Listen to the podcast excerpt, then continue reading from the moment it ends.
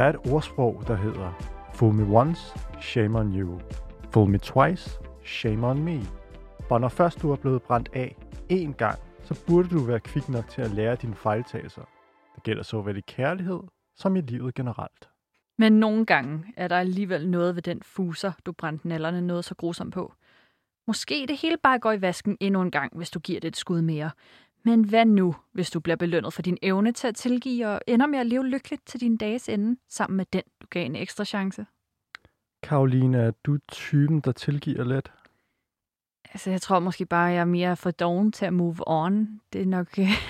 og hvis de er lækre nok, så ved jeg ikke... Øh. Vi er samlet her i dag for at mindes et af de hårdeste heartbreaks i nyere tid. Du, Karoline, vores gæst Rikke Fink, og jeg, Claus Nygaard Petersen, havde alle et passioneret hit forhold til det her fænomen, der tog både os og verden med storm. Men det hele sluttede bræt, som en sommerforelskelse dømt til at gå til grunde.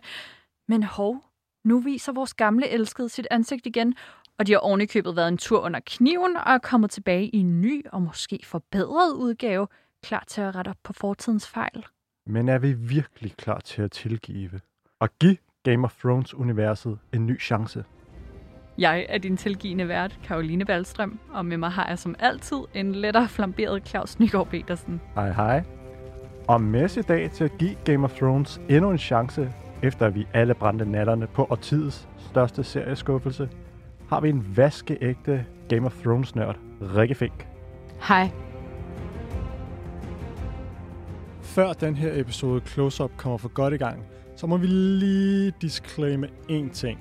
Der kommer til at være spoilers for Game of Thrones. Og som Mette vil sige det, Lev med det. men vi lover, at vi ikke afslører noget af den nye serie House of the Dragon, som handler om Targaryen-familien. Amager Halshug. Og så tilbage til vores nørdede gæst, Rikke Fink. Rikke, hvem er du? Øhm, jeg er øh, kan med i film- og medievidenskab, og så er jeg radiotilrettelægger inde i Danmarks Radio. Og så øh, er jeg sådan meget stor øh, fritids Game of Thrones nørd. Og øh, øh, det havde helt klart sit peak, mens at øh, serien stadig kørte. Og så tror jeg, at efter at sæson 8 rappede op, har jeg bruh, lige skulle have en pause. Mm. Øhm, men n- nu er jeg sådan... I'm back, baby. Mm. Rikke, hvordan blev du egentlig hooked på Game of Thrones? Jamen altså, prøv at høre, det, det, var jo ikke, det var jo ikke på en særlig sådan cool måde. Jeg datede en gang en, der viste mig piloten, lige da serien var kommet ud. Så tænkte jeg, spændende. Og så gjorde jeg ikke noget ved det de næste mange år. Så under øhm, sæson 3, så fik jeg en kæreste, som sagde, øh, Rik, vi har ikke noget at snakke om det næste halve år, hvis du ikke går i gang med at se Game of Thrones nu. så hvis du nu lige kører øh, de to første sæsoner igennem, så kan vi begynde på træeren sammen, og så kan du måske se det med mig og mine venner. Hver gang øh, vi mødes og gør det. Og så var jeg sådan, det var jo selvfølgelig et, et ultimatum, der var til at tage og føle på. Og så gjorde jeg det. Og så gik jeg i gang med at læse bøgerne. Og så er uh, the rest history. Altså, det er meget sjovt, fordi apropos alt det med at blive forelsket og brænde nallerne og gå tilbage til en fuse mm. og sådan noget. Mit øh, hook på Game of Thrones var faktisk også en, som jeg var dødeligt ulykkelig forelsket i, som læste bøgerne, og hvis man ligesom ville i kontakt, hvad andet var der så at gøre, end at troppe op dagen efter med øh, den samme bog, ja. og sige, ej, hvor er du nået til? Så altså... Men prøv at høre, der, der, der er et særligt plads i mit hjerte til de øh, ekskærester, der har fået mig øh, hugt på øh, spændende universer. Helt klart. Men hvor godt er du inde i det her univers? Har du har læst bøgerne? Ja, og så øh, har jeg øh, læst øh, rigtig meget i den her, den kan vi vende tilbage til senere, men sådan The World of Ice and Fire, mm. som lidt af sådan Game of Thrones' øh, Silmarillion, hvis man er sådan en Ringenes Herre-type øh, derude.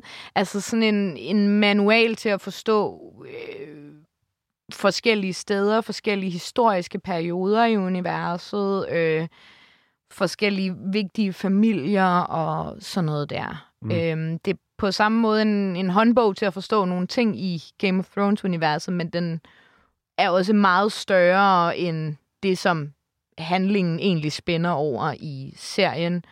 Øhm, især i serien, men, øh, men egentlig også i bøgerne. Mm. Øhm, men, men først og fremmest, så har jeg nok set på den anden side af sådan 50-100 timers sådan YouTube om emnet. Altså, jeg har først og fremmest YouTube-nørdet Game of Thrones, og det, øh, det kan jeg virkelig anbefale. Der er nogle rigtig, rigtig dygtige content creators derude, som øh, sidder og bruger øh, et timer og timer og timer på at øh, læse de her fem bøger, som en øh, meget, meget øh, troende præst vil øh, sidde og studere sin bibel for at finde svar på livets store spørgsmål. Men Rikke, hvorfor gør du det?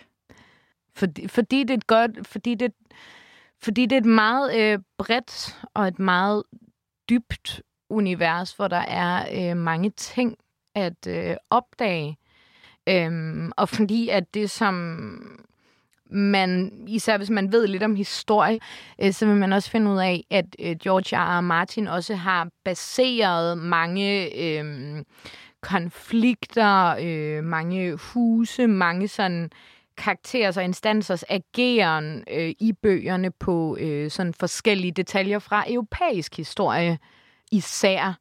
Øh, der er for eksempel øh, to konger inden Viserys, som vi skal snakke om i dag i House of the Dragon. En, der hedder Maker the Cruel, som når at være gift øh, seks gange, og øh, kun to af de øh, dronninger overlever ham. Altså, kan I høre øh, Henry VIII øh, øh, ligge herinde et sted? Ja, ja. Der altså er den engelske konge der, som der jo også er lavet The Tudors om, ikke? Mm. Så, øh, men for eksempel også uh, The Iron Bank of Bravos, som øh, der bliver snakket meget om, især i de første par sæsoner, fordi det er der, som øh, kongen af Westeros, The Seven Kingdoms, låner stort set alle sine penge fra. Øh, den er baseret på øh, den måde, som for eksempel øh, Rothschild-familien agerede under og finansierede øh, Napoleonskrigene. Så det er sådan, altså der er jo ligesom sådan grebet fra vidt forskellige perioder, selvom sådan basen er sådan en eller anden form for sådan engelsk feudal samfund. Ikke? Mm. Ja, så sådan, der, ja, ja, der er bare meget. Mm. Der er rigtig meget. Men også europæisk historie, men noget af det er jo også sådan noget øh, meget inspireret af Tolkien, meget inspireret af H.P. Lovecraft. Øh, jeg tror først og fremmest, at George R. R. Martin har lavet sådan en, en kærligheds øh, sang til, øh, til fantasy, til historie, til fortælleglæde. Du lyder meget begejstret, og det er nogle positive følelser, du kommer ud med her. Så hvad er det, der gjorde den unik? Game of Thrones? Ja. Øhm, jamen, flere ting. Øh, jeg tror, at øh, det, som jeg altid godt har kunne lide ved den, det er, at man kan sætte pris på den på enormt øh, mange planer. Hvis man sådan skal, skal starte i toppen, ikke? den har jo det der HBO-kendetegn med øh, nogle, en, en masse flabede mænd og en masse bare bryster. For, forstår I, hvad jeg mener? Altså, hvis man kunne lide Californication, for lige at komme med sådan, altså det mest sådan fladpandede eksempel, så kan, man, så kan man faktisk nok egentlig også meget godt lide Game of Thrones.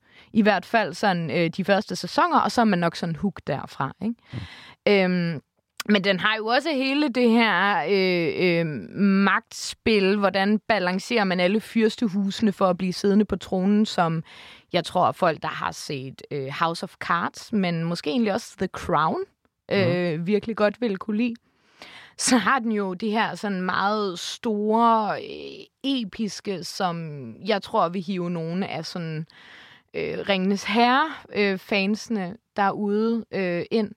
Øhm, men dertil så kommer også altså, hele det her sådan, ja, historielag, som også bare hiver alle former for nørder ind, fordi det er et meget sådan vel, velgennemtænkt univers. Øhm, men, men jeg tror øh, sidst og fremmest, og måske også lidt vigtigt at sige, så øh, er det jo et univers, hvor at kvindelige karakterer har øh, øh, meget, mange flere og meget mere spændende roller, end for eksempel i Ringenes Herre. Der er jo nogen på internettet, der har lavet den øh, øh, joke, at de har lavet et supercut af Ringenes Herre, altså filmene, med alle de scener, hvor to kvinder interagerer. Ikke? Mm. Og det sker en gang i Ringenes Herre. Det er på et tidspunkt, hvor der er en lille pige, der siger, Where's my mommy? Og så er der en øh, øh, tjener, øh, kvinde, der svarer, Not now. Where is Mama? Altså, og det er sådan det, ikke? Så hvis man har sådan en lille pige inden i sig, der gerne vil øh, spejles i nogle kvindelige karakterer, der bevares bliver behandlet af helvede til til tider, øh, så er Game of Thrones jo også oplagt. Så på den måde, sådan, jeg tror, Game of Thrones trækker også noget af det i mig, som sådan noget som X-Men har gjort. Fordi det var også sådan, der, hvor jeg første gang var sådan, nå, der er faktisk kvindelige superhelte. Altså. Mm. Man kan godt bare nyde den, fordi der er svære bryster. Men man kan også nyde den, fordi man kan sidde og øh, nørde om sætdesignerne har taget hensyn til, at møbelmanufakturen i øh, The North højst sandsynligt er mindre udviklet end i King's Landing, fordi at befolkningen er mere koncentreret i King's Landing, og der derfor nok vil være flere dygtige håndværkere at vælge imellem, når du skal have lavet et bord til dit slot. Øh, man kan nyde det på alle mulige måder. Det er nok også derfor, fans tit er ret uenige om, om sådan en, en given kors i historien var en god idé. Er fornuftig, er god. Men på den måde, så tror jeg altid, at fanbasen vil være meget uenige om, hvad der egentlig er godt ved Game of Thrones, fordi vi er meget forskellige, fordi at serien og bøgerne har enormt mange appeller på samme tid. Men en ting, Rikke, som størstedelen, i hvert fald de højt råbende af slagsen af fansene kunne blive enige om, var, at Game of Thrones, efter at have kørt i mange, mange år, ligesom har sat en ny standard for, hvad der kunne være øh, fantastisk voksen-tv, tabte det hele på gulvet med den sidste 8. sæson. Men øh, nu lader det jo nærmest til, at, at der kommer sådan lidt en redemption. Ikke? Vi kan få oprejsning med en ny tv-serie, som godt nok har, har bånd tilbage til Daenerys, som især var den, der fuckede det hele op for de fleste. Og det er House of the Dragon på HBO. Premiere i 2022. Og det er jo grunden til, at vi har kaldt dig ind i vores studier i dag her på 24 /7. For godt nok er du Game of Thrones nørd, men, øh, men med det kommer jo også, at du har styr på de her kongerækker. Og vi kunne godt tænke os at høre lidt mere om, hvad den her nye serie måske kan gøre for at få de afstøtte, sure Game of Thrones fans tilbage i folden. Så Rikke Fink, tusind tak for, at du vil gøre os klogere på det den næste times tid her i Close Up. Øh, jeg synes lige, er for at slå tonen rigtig an til, at vi nu dykker ned i House of the Dragon, som selvfølgelig har noget med Targaryen-familien at gøre, altså der, hvor Daenerys hun stammer fra. Så synes jeg lige, vi skal høre et rigtig flot tema, som har med Targaryen-huset at gøre, som er skrevet af Ramin Djawadi, som både skrev musikken til Game of Thrones, og den nye Game of Thrones-serie House of the Dragon. Det her er Dragonstone, og det er bare brandlækkert. thank you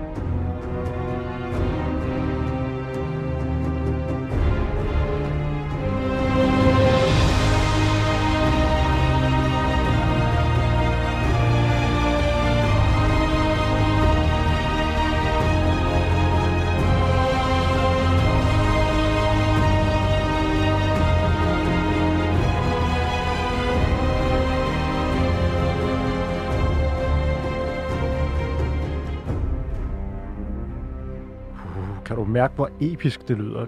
Jeg føler nærmest en nakkehårene, der rejser sig på mig allerede nu. Men øh, før vi kommer øh, rigtig i gang med House of the Dragon, den her nye serie på HBO. Det er jo en øh, forgænger, der foregår før Game of Thrones. Den oprindelige serie, der kørte fra 2011 til 2019 på HBO. En af de største tv-serier nogensinde. Altså hvis vi bare kigger på budgettet, så er det 5-6 millioner per afsnit, der er budgettet i den første sæson. Det er rimelig hardcore, og vi snakker dollars, så vi skal lige gang lidt op. Det slutter med at være, hold nu fast, 15 millioner dollars per afsnit i den afsluttende 8. sæson. Det er fandme mange penge at bruge per afsnit. Og jeg tror, vi er nogen, der mente, at de prioriterede dem forkert. Men sådan kan man jo altid komme og være bagklog. Men prøv at høre. Jeg tror, vi er mange, øh, der var lidt øh, trætte af slutningen. Øh, nu sagde du før, Karoline, den afsluttende sæson 8. Øh, jeg vil mene, det begyndte at blive skævt allerede, da man slap bøgerne omkring i sæson 5 og kom så til at gøre nogle ting i de, de afsluttende sæsoner meningsløse. Men, men øh, skid være med det, ikke? øhm, Men et stort centralt problem for alt det her er jo også, at forfatteren George R. R. Martin, som godt nok har været en, en del indover, mm. både Game of Thrones-serien, men også den nye House of the Dragon, han har jo ikke skrevet forlaget til første serie, altså Game of Thrones, færdig endnu. Nej, der er fem bøger, og så de to sidste, øhm, The Winds of Winter og A Dream of Spring, som 6'eren og 7'eren hedder, er sådan... Altså, der kommer en udgivelsesdato for dem sådan hvert år. Og den ligger altid to år ude i fremtiden. Og det er altid sådan, på næste Comic-Con, så kommer jeg med, med bogen i hånden. Og fansene har været meget sure, og folk bliver ved med, så skriv dog! Og George R. R. Martin er sådan, hold op med at presse mig. så, så vi skal ikke prøve at presse George R. R. Martin. Vi skal bare sådan pipe down, og så håber vi virkelig, de kommer en dag. Fordi, øh, øh, listen, det virker som om, at serieskaberne, de fik ligesom resultaterne. Ikke? Altså, det her kommer til at ske. Og så er det som om, at, at, at de, har, de ikke har fået mellemregningerne. Da jeg så sæson 8, havde jeg lidt følelsen af at være sådan en matematiklærer, der havde fået sådan en aflevering fra en, der bare havde skrevet resultaterne af, men glemt mellemregningerne. Og det, er jo- det, jo- det er jo faktisk det, det, er jo det, der er det vigtige. Det er jo mm. det, der er det, det essentielle. Øh, det, det, det handler ikke så meget om, for mig, om Daenerys måtte gå amok og brænde, brænde King's Landing af. I, sig selv synes jeg ikke, at der mangler hints til, at Daenerys er ultra, ultra voldelig. Øh, men der, mangler, der manglede helt klart et setup til, at det skulle ske på lige præcis den der måde. Og derfor føltes det som sådan lidt tom oplevelse, tror jeg. Men man kan jo sige, i, hvert fald George R. R. Martin, selvom han ikke har skrevet færdig nu, så havde bøgerne jo bevist deres værd, inden at der overhovedet kom en serie. Det var en vanvittig vel solgt bog og New York Times bestseller. Og når man snakker fantasy, så er Game of Thrones, eller A Song of Ice and Fire, som den her serie den hedder, er jo, er jo virkelig noget, der har bevist sit værd. Jeg, jeg, jeg tror også, man skal, man skal tænke, at selvfølgelig har Ringenes Herre-filmatiseringerne været derinde som sådan en eller anden form for, for forløber, men, men fantasy var ikke sådan sejt, lige da Game of Thrones kom ud. På samme måde som, at man jo også troede, at piratfilmen var fuldstændig død, da Pirates of the Caribbean blev lanceret. Mm. Og i høj grad må sige så have ushered in a new pirate era. Fantasy var ikke noget, man tænkte på i start 10'erne. Det var zombier, så vidt jeg husker, der lige var den store crazy tv-verden på det tidspunkt. Lidt overnaturligt shit, så det var en kæmpe stor gamble, især fra HBO, som jo har udmærket sig med mere sådan kriminelle, realistiske dramaer som Sopranos, The Wire, meget stor drama-tradition, og så gå ind på Men jeg noget tror også, jeg tænker på sådan noget, som der sådan var virkelig stort på det tidspunkt, har været sådan noget Mad Men, ikke? Mm. Altså, øh, ja, så det, det, det var noget, det var alligevel noget andet, ikke? Men Game of Thrones gik også rimelig hurtigt ind og fik sat sig en dagsorden. Også når man ser på forskellige prisuddelinger. Altså i alt 59 Emmy-nomineringer. Det er voldsomt Mm. mange. Mm. Øh, og det var jo klart noget, der, der fik sat en dagsorden og fik gjort fantasy fedt igen. Mm. Spørgsmålet er så bare, om den tid øh, ligesom er forbi nu. For, for 10 år er lang tid at blive i det samme. Og nu prøver HBO jo så igen med en ny omgang Game of Thrones med House of the Dragon, Mm. som foregår en del år før Game of Thrones. Men modsat Game of Thrones er der ikke en hel bogserie, som kan støtte op om det her. Det er, er, noget, man ikke som fan kan dykke lige så let ned i. Medmindre man ligesom dig, Rikke, godt kan lide at se YouTube-videoer og kan få nok ud af opslagsværker om gamle huse, som var i Westeros engang. Ja, man kan sige, der er jo også øh, Fire and Blood, som han har skrevet om Targaryen-klanen i sådan en lidt mindre opslagsværk, øh, tilstræbt historiebogsagtig form, som man har i The World of Ice and Fire, og sådan lidt mere romanform. Øh, så, så der ligger jo heldigvis et bogforlæg for House of the Dragon, fordi jeg synes, hvis der var noget, vi fik vist med den originale Game of Thrones, så er det, man skal ikke, man skal ikke bare lade showrunners køre Game of Thrones. Fordi showrunners, de går op i nogle, nogle andre ting end os andre. Og med showrunners, der mener du D.B. Wise og David Benioff, som styrede Game of Thrones og kørte det lidt i sænk, ikke? Jo, men de har jo bare fået sådan et, et bad name, og de gjorde, jo, de gjorde jo sikkert, hvad de kunne og sådan noget. Men real talk, man får følelsen af, at de aldrig havde læst de bøger, der er. Ikke? Og nogle gange, når de sådan giver interviews, prøv at høre, da de, sådan, da de snakker om det, de gjorde med Jamie Lannister i den sidste sæson. Prøv at, høre, det, vi havde brugt på det her tidspunkt, det var syv sæsoner på, at Jamie Lannister, han befriede sig fra sin, fra sin arv, fra sin familie, fra sine incestuøse øh, tendenser, øh, sådan faktisk kom videre i sit liv, øh, offrede rigtig meget, gav slip på rigtig meget.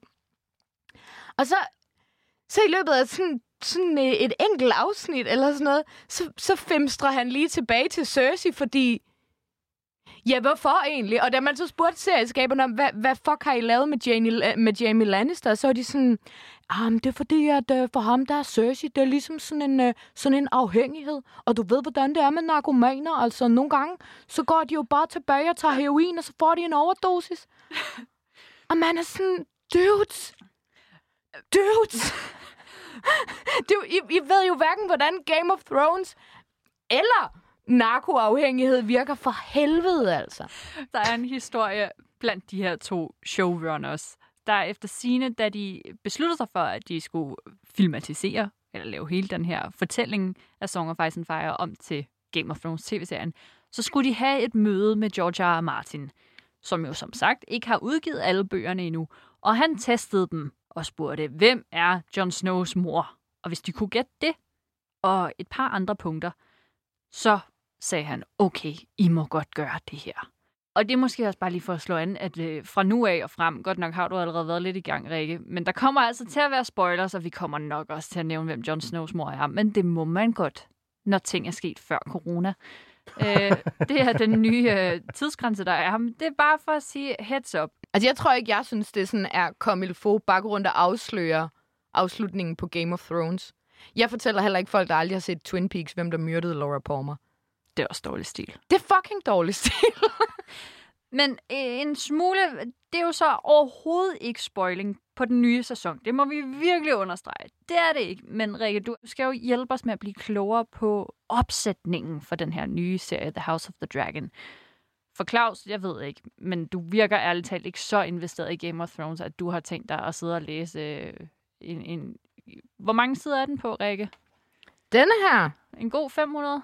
Øh, ej, altså mm, sådan 320, men, men de er sådan ret store. Men der er også mange billeder i. Okay. Men det er, det er en, en rimelig, øhm, altså, en rimelig forholdsvis kølig opslagsbog, du sidder med der. Vi kan se familiestamtræer, vi kan se en masse årstal og kort beskrivelse på, hvad der skete den og den dag, og så hopper vi videre til 10 år Oversigt senere. over våbenskjolde. Øh, hvad er det der Dawn? Øh, hvem er The Lannisters? Det er altså noget, altså sådan... Også hvis man sidder i bøgerne og bliver lidt forvirret og ikke gider google det, så er den også meget... Hvad hedder bogen? Den hedder øh, The World of Ice and Fire. Fedt. Mm. Så nu øh, skal Claus, en ikke særlig stor Game of Thrones-fan, Jeg er jævn, jeg har set serien. Det er det. skam dig. Ja. Du skal til at se den her nye serie, The House of the Dragon. Rikke, hvad har han brug for at vide, inden han sætter sig ned og øh, forhåbentlig bliver hugt? Jamen, jeg tror, du skal tænke, i Game of Thrones, der har de jo sådan en, en tidsregning. Mm. Og der, hvor du kommer ind og starter den originale Game of Thrones, der er vi sådan cirka 300 år AC, altså After the Conquest. Mm. Og øh, det, der sker AC, det er, at Daenerys' tip, tip, tip, tip, tip, jeg, aner ikke, hvor mange tipper der er, men sådan nogle tipper, mm. oldefar, indtager Westeros. Targaryen-familien har boet i en helt anden del af verden, men er så flygtet med deres øh, drager på et tidspunkt, og så tænker Daenerys' forfar, helt sikkert, jeg indtager det der. Og det gør han basically med sine to søstre, som han er gift med. Lidt gross, sådan er det. Og så øh, deres tre drager, og så en lille bitte her. Fordi man skal ikke bruge så meget, når man har drager. Store drager, så vidt jeg har forstået. Store drager. Ja, pænt fucking store. Så der er ligesom kommet de her øh, erobrere udefra, som så gerne vil lede. Altså, jeg tror, man skal tænke sådan, ekvivalensen er lidt, hvis der sådan er en, en, en stor øh, sådan fyrstefamilie fra måske sådan noget Tyskland måske, eller sådan Østrig-Ungarn, eller måske sådan helt over i Tyrkiet, der engang øh, i middelalderen har valgt at invadere England, og så være sådan, så nu er det også der bestemmer over jer.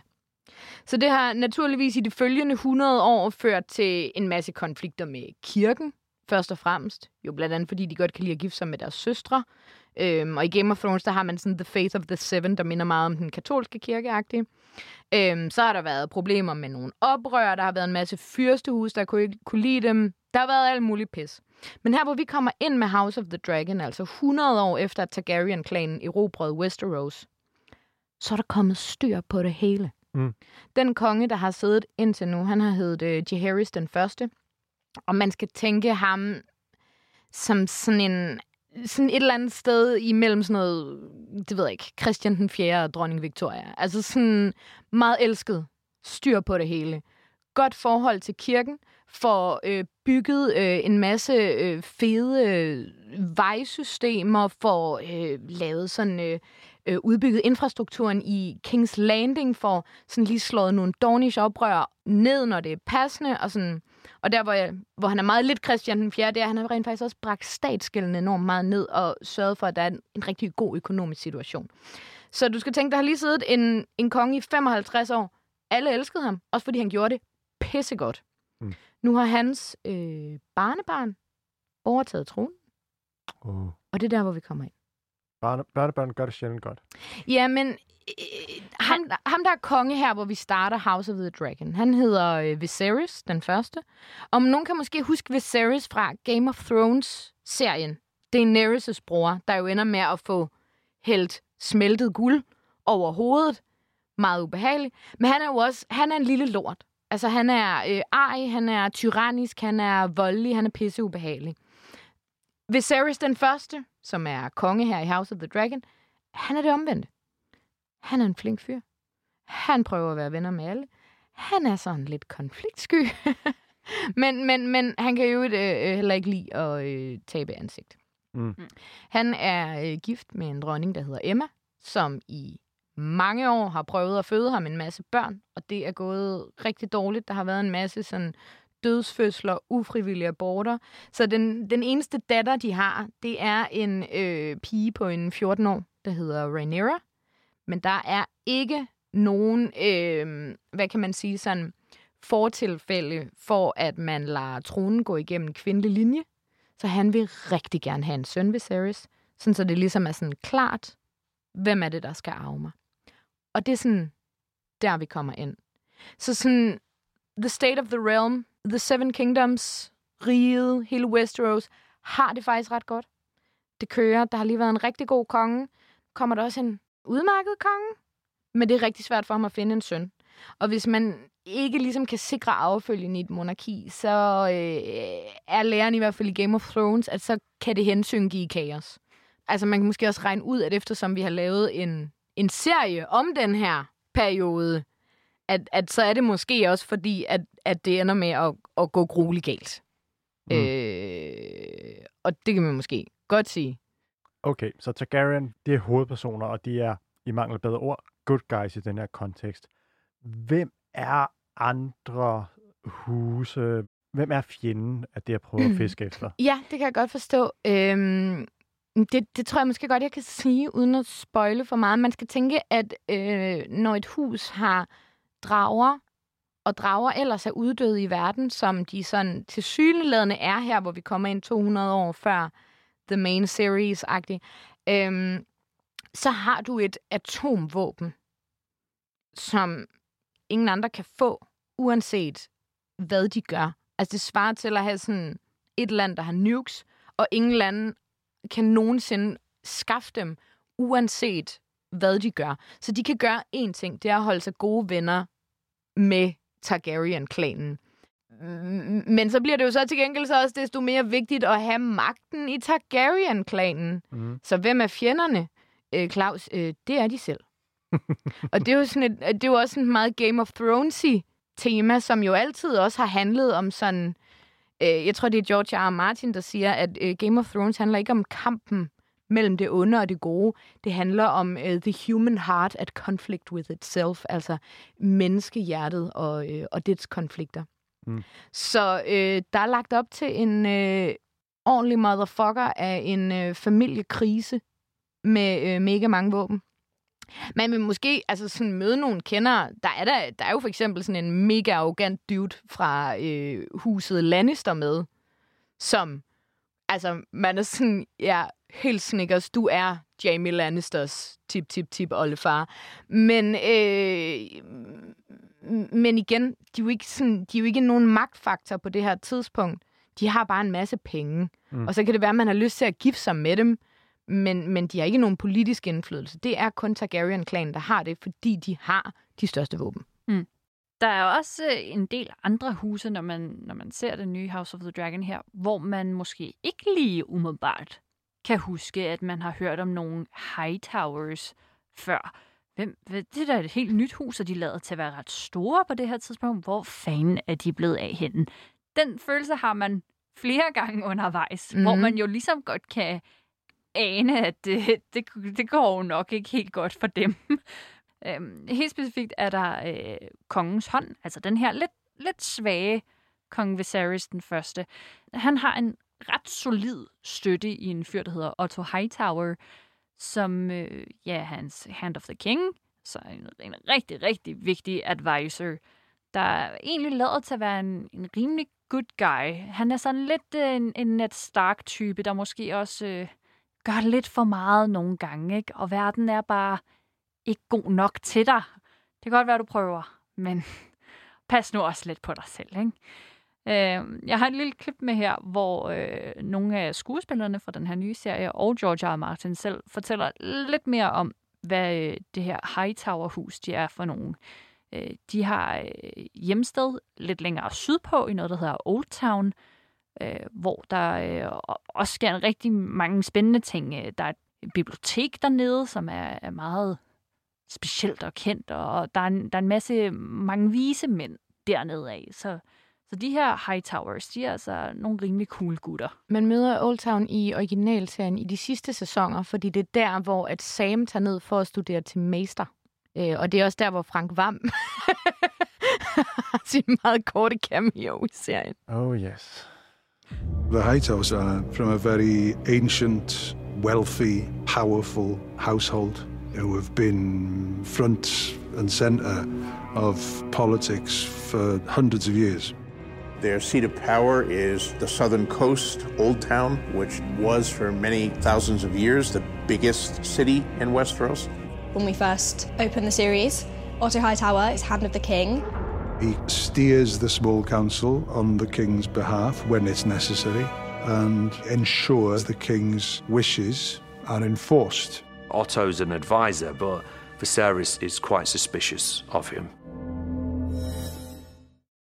Og jeg kan måske godt forstå, at kong Viserys er en lille smule skeptisk over for ham her, Otto Hightower en gang imellem. For selvom han er en virkelig flink fyr, umiddelbart, så kommer Otto nogle gange med nogle forslag, hvor man tænker, okay, er det fordi, at det er for det gode for kongerigets skyld, eller er det fordi, du gerne vil se din egen familie en dag klatre op på den der Iron Throne og styre det hele?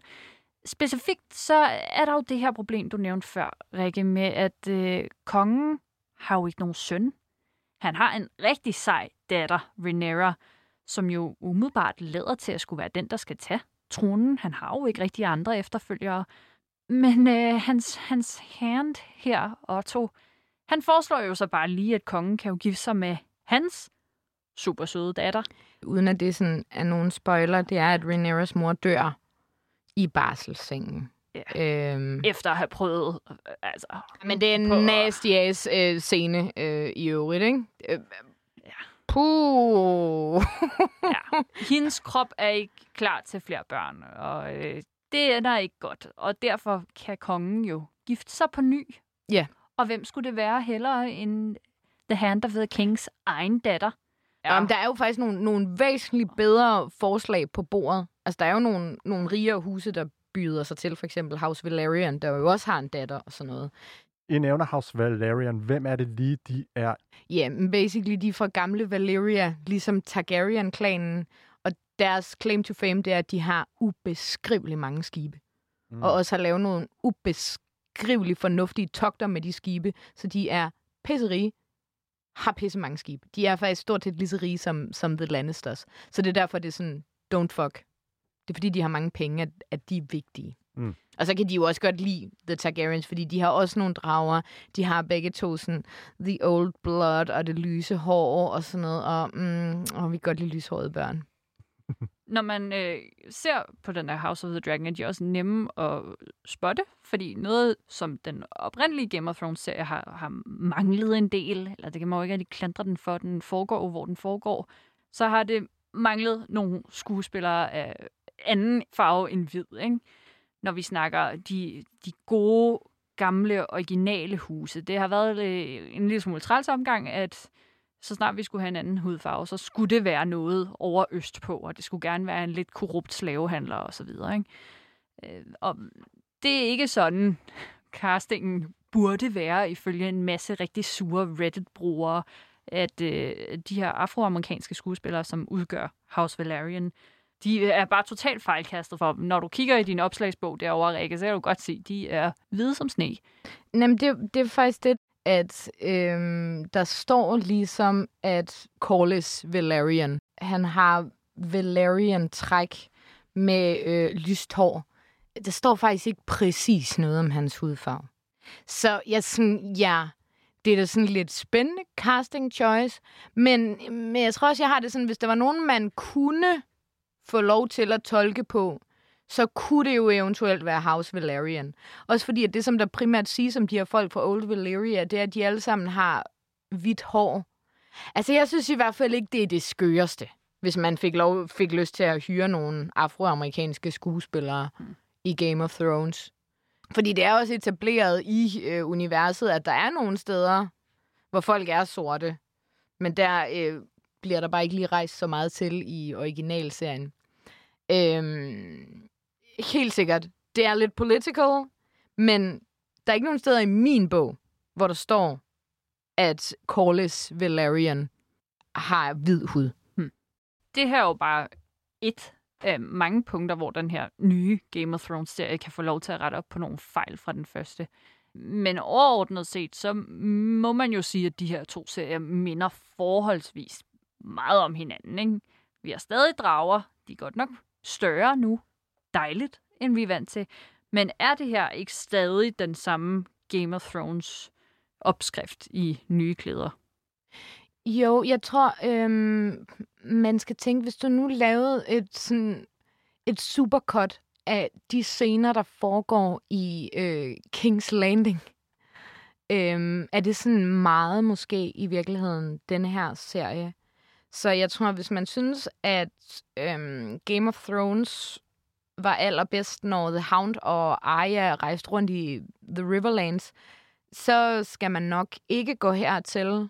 Men hvis man øh, savner at se øh, Cersei Lannister sidde og dingle med et glas vin og plotte nogle politiske planer og sådan noget, så tror jeg godt, at man kunne, øh, man kunne blive glad. Den bevarer hele det der øh, The Crown, House of Cards element, men meget, meget færre aktører foregår i en meget mindre del af verden. Men måske er det heller ikke så skidt, fordi der var jo også lidt af det fokus, der sådan røg til sidst i, øh, i originalserien. Jamen, du har ret nok i det der med, at selve formen, det med, at vi var vant til, at vi ligesom kunne hoppe imellem forskellige karakterer, der kunne være over det hele i verden det er skrællet væk nu. Ja. Lige nu så foregår det øh, rimelig centreret om Targaryen-familien. Det er dem, vi hører fra. Så er der enkelte afstikkere rundt omkring i hoffet, eller, eller nogle af deres meget nære venner eller allierede, som ja. vi får lidt fra. Men det er rigtig meget, når vi snakker point of view, så er det holdt til den samme location, ikke? Ja. Uh, men, men, men du ved, det er ikke fordi, vi ikke får fit shit, eller sådan der kommer sådan en krigsscene sådan ned sydpå, på det, der hedder The Stepstone, som er sådan... Den, er den går jeg godt lide. ja, ja, ja. Så, så jeg tror også, man vil også se, der er meget af det der der er også meget af det der sådan ridder fantasy flair, som man godt kunne lide. Jo blandt andet fordi, at der jo bare er så mange flere drager. Og den her gang, der skal man ikke vente på, at de lige sådan bruger fem sæsoner på at vokse så store. Store er- nok til, at man kan sidde på dem, ikke? Det er sådan, der står drag for starten, ikke også? Det, er- der er gang i. Noget andet, der også med Game of Thrones måske tog lidt tid at få etableret, var det der med, at det er jo faktisk kvinderne rigtig langt hen ad vejen, som trækker i de største af trådene. Hvis vi snakker øh, måden King Joffrey, som alle havde, Hmm. han øh, forlod verden på. Det var en kvinde, der gjorde det. Når vi taler hele Daenerys, der prøver på at øh, generobre et kongerige, som hun føler var hendes. Det er også en kvinde, der sidder ved styret der. Godt nok er hun sådan forholdsvis sindssyg, og hun slagter rigtig mange mennesker i processen for at komme derhen til. Men også hele Cersei og hendes øh, tronespil, det er bare damerne, der styrer det her. Det er måske lidt mere tydeligt fra start i House of the Dragon, for vi har jo den her konge og hans eneste umiddelbare tronfølger, som, som er en kvinde. Så al magten ligger rimelig meget fra start over i hendes boldbane. Ja, men jo, jo ikke sådan formelt. Det vi jo i starten. Det allerførste, vi lærer i House of the Dragon, det er jo, at Viserys han kun er konge, fordi at de der lords i alle de andre huse, de ikke kunne lide ideen om, at man gav den til hans kusine, som faktisk havde et, et better claim, hvis vi sådan så på, at hun var øh, datter af et, af et ældre barn af Jaehaerys. Men at, at man har ligesom 14 år før vi kommer ind i House of the Dragon, der har man forkastet kvindelig arvefølge. Som sådan noget, det kan ingen lide. Som i, hvis du spørger 19 ud af 20 af de store fyrstehuse i Westeros, så, så siger de, fuck nej. Men jeg tror også, det man skal tænke med sådan kvinder i Game of Thrones-universet, det er, at George R. R. Martin har altid sagt, ja, yeah, jeg ved ikke. Jeg skriver bare karakterer, og så nogle gange så er de kvinder. Og så tænker jeg ikke så skide meget over, om de er kvinder.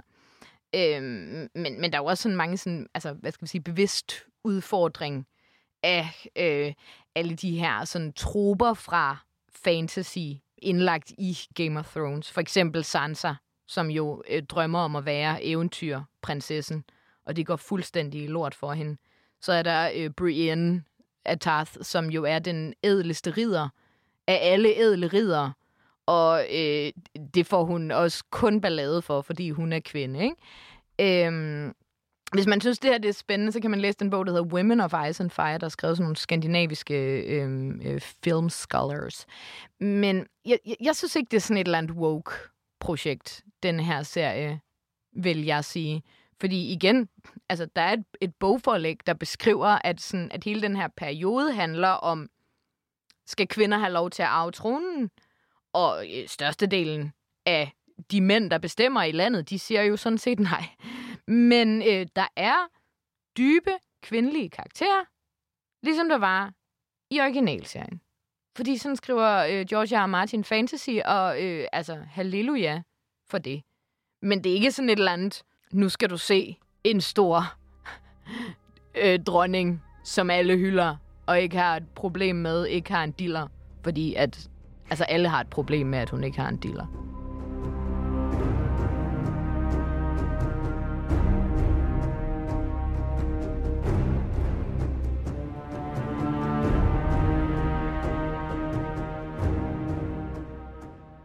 Rikke og Karoline, jeg har jo været lidt stille, men det er altså bare fordi, jeg ikke kan følge med på al jeres fede viden.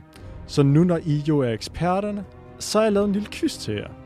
Det er bare fordi, jeg gerne vil prøve at prikke lidt til jeres viden omkring de forskellige huse i Uh. uh, Game of Thrones. Ja. Ja. Ja, ja lad mig lige male et scenarie for jer her. Ja. I går i krig, Ja. og på krigspladsen, der møder I en hær. Hæren har ingen bannere. Til gengæld så råber de deres hus motto. Det er det eneste, de gør. Så jeg vil bede jer om at identificere den her, I står overfor. Okay. Skal man bare råbe sit eget navn så? Eller hvordan? hvordan, hvordan øh... I skal... Men vi kunne måske også diskutere det. Ja, vi kunne også slå os sammen, Rikke. Og Det, det, det er jeg åben for. Det kunne være sjovt. Kan vi ikke se, hvordan det går? Og hvis Rikke, du så er alt for meget foran mig, så kan jeg godt foreslå en lille, et lille samarbejde måske. Altså, jeg tror, I kan klare den øh, hver for sig i starten. Vi lægger ud stille og roligt. Hvilket hus har dette ordsprog? Fire and blood. Ja, det... Ja. Nå, House Targaryen. Og hvad siger Rikke? Jamen, helt klart det samme. Jamen, vi er alle sammen enige. Det er House Targaryen. Så kommer der en ny her op over bakken, og de råber, Winter is coming. Det, Du må godt, Rikke. ja, og de, Altså, skal vi bare slå os sammen fra start af? Fordi det er jo ikke engang en konkurrence, det her. ja, måske skulle vi det. Eller det ved jeg ikke. 1, 2, 3. House Stark. Stark. Det er nemlig rigtigt. og i nakker House Stark, så kommer der en ny her, og de råber, Hear me roar. Det Ja, er Lannister. Ja, Men- jeg, jeg håbede lidt, jeg kunne have, træ- jeg kunne have snydt jer lidt. Der, Ja, fordi folk tror jo, det er, at Lannister always pays his debts. Det er det nemlig, Mm. men det er bare i folkemunden. Ja. Nu kommer der til gengæld en lidt mere badass her, øh, og de råber, First in battle. First in battle. First in battle? Ej, Åha. det ved jeg faktisk ikke. Okay, hvem er sindssyg? Det lyder som sådan nogle rimelig YOLO-typer, ikke? Ja, jeg, jeg synes, det lugter lidt af sådan en... Ja, det lyder som sådan, der er lidt wildling over det, ikke? De har tabt hovedet lidt på forhånd. Men på den anden side må de også klare sig forholdsvis. Hvad med sådan noget... Øh... Skal vi tage et, et Northern House hver? Jeg, jeg, Okay. Det ved jeg ikke. House Umber. Uh! Åh, oh, det er vildt godt sagt, det der. Må jeg sige det samme? I må gøre lige, hvad I vil. Shit, de er fra Dawn. Nå, hvad er det, Claus? House Tarly. Ja, Nå. det giver selvfølgelig mening. Ja. I, I fik lidt tæv her, så nu kommer Ja. der en ny her for at tæve jer endnu mere. Ja, Og de råber, Unbowed, Unbent, Unbent, Unbroken. det er House Martell. Ja, og så klar i den her. Så kommer der en ny her. De har masser af fakler og råber, We light the way. Uh, Hightower. Ja. Oh, her hvor I kan. Det er altså det er ham, den nye Hand of the King, Otto. Ja. ja. Ja, jeg skulle lige være sikker på, om I havde fulgt ordentligt med i serien. Men det havde I. Nu kommer vi på en lidt long shot, som jeg skulle grave lidt for at finde. We remember. We remember. Åh, Åh, oh, er det, um, er det ikke... Uh, nej, nej, we remember. De har... Nej, men det er ikke nogen... We remember? Ej, jeg føler, det er sådan noget...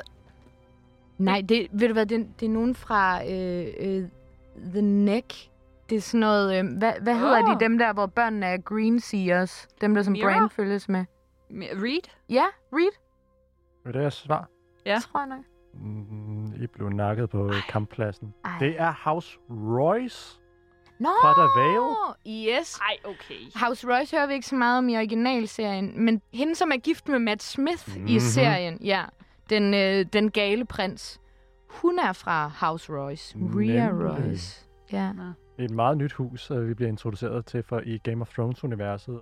Jeg tror egentlig også, jeg synes, det er meget fedt, altså den her detalje med, at okay, så 240 originalserien, så er det jo sikkert også nogle andre fyrstehuse, der ligesom styrer i de forskellige dele af landet. Du ved, House Aaron, som ligesom kører uh, The Vale senere, de har også udmærket sig i nogle krige, der kommer i den mellemliggende tid og sådan noget. Og jeg tænker også, måske finder vi ud af, hvad der sker med The Hightower, siden vi ikke hører så meget til det i originalserien øhm, ja. Hey, hvor du teaser, Rikke. Ja, og hvem er de der strongs, som vi også når at høre lidt om og sådan noget, ikke? Men vi kommer jo ikke uden om, at vi er blevet brændt en gang Ja. af Game of Thrones. Ja. Er vi klar til at tilgive allerede nu? Skulle der virkelig ikke gå mere end tre små år, og så har vi glemt alt om, at Daenerys umiddelbart øh, vender rimelig meget på en tallerken, går helt crazy.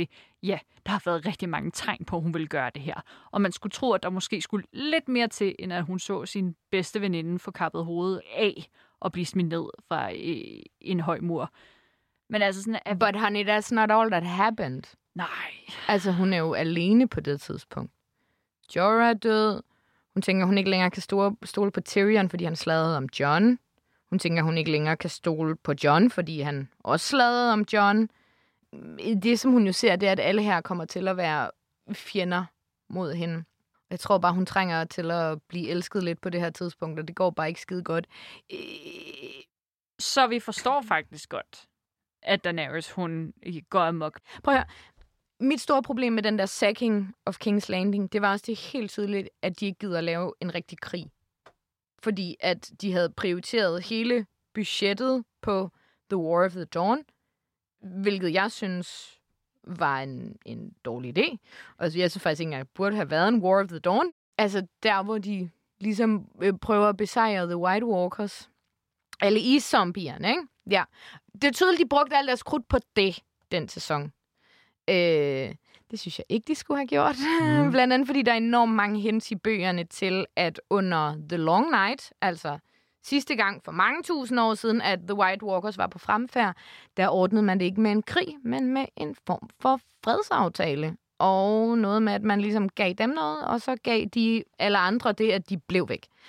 Og, og det, at man så skal ind og udslette dem nu, det, åh, det ved jeg ikke. Jeg, jeg, synes, det, jeg synes, det er for kedeligt og lidt for Tolkien-agtigt, og det er ikke det, som Game of Thrones handler om. Og det er no shade til Tolkien, men George R. R. Martin har altid sagt sådan, han elsker Tolkien virkelig højt. Når han dør, så vil han gerne til Middle Earth i stedet for i himlen. Men, men hans bøger er jo også skrevet på et andet tidspunkt i historien. Han har ikke skrevet bøger lige efter 2. verdenskrig. Han tror ikke på, at man bare kan besejre det onde. Øh, ligesom vi besejrede nazisterne, vel? Så den vigtige krig, det er da selvfølgelig den, hvor det er mennesket mod mennesket. Hvor det er øh, The Game of Thrones, kampen om rent faktisk at komme til at sidde på den der lortetrone, ikke? Og den, den kamp, den er åndssvag. Fordi så flyver dragerne bare lige ind, smadrer alle de der skorpioner, som var et kæmpe problem for dem et afsnit tidligere, brænder hele den Greyjoyske flåde, som også er større end afsnittet tidligere. Prøv at høre. Hvis de havde lavet en ordentlig krig, så havde jeg skulle accepteret, at hun brændte King's Landing af. Det er ikke det, der er problemet for mig. Men det er rigtigt. Store problemer i sæson 6, 7 og 8. Men vi skal ikke være kede af, jo, vi, vi skal være rigtig kede af, at Game of Thrones ikke blev alt det, den kunne blive. Men vi skal være glade for, at der var nogen, der realiserede et af de fedeste fantasy-værker i verden. Og gjorde det med glorious CGI, glorious kostymer, glorious set designs, glorious skuespillere. Og ja, den kunne have været endnu bedre. Åh, oh, hvor kunne den have været endnu bedre. Is- især den sidste halvdel, ikke? Men altså, du ved, Dragon, du spørger, om den kan hive fansen ind igen. Selvfølgelig kan den det. Altså, de skal jo også se den, hvis det er bare for at sidde og, og trashe den hele vejen igennem. Og jeg skal også se det. Og jeg glæder mig. Og det gør jo ikke, at den originale Game of Thrones-serie ikke fik kæmpe problemer til sidst. Men mens vi sidder og drømmer om, at de to sidste bøger kommer ud, og vi håber virkelig, at de kommer ud en dag, så, så glæder mig til at se uh, House of the Dragon. Ja, men jeg føler også, at jeg er klar til at nærme mig forsigtigt den her fuser, som var slutningen på Game of Thrones. Ja, kun slutningen. Kun slutningen. Ikke de første par sæsoner. Nej, det er tavligt at sige den fuser, der var Game of Thrones, fordi der var så mange gode ting der. Der var også meget, der var galt, Rikke. Ja, men der var sgu... Der var fandme også mange ting, der var gode. Jeg er også rigtig klar til at se videre på House of the Dragon, og jeg føler mig i hvert fald klogere nu. Uh, tusind, tusind tak, Rikke Fink. Jeg håber, at vi kan lokke dig i studiet igen en anden gang her i Close Up. Jamen, det ville være en, en, en stor ære. Altså, jeg har fået lov til at, at ramble om ting, som altid bliver lukket ned, når jeg er derhjemme og kommer i gang. Det er da så fedt.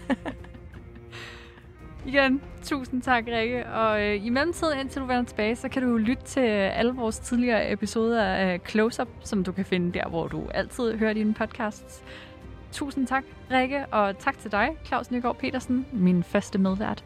Jeg lukker også af for i dag. Jeg hedder Karoline Ballstrøm. Tak for nu. Vi lyttes ved.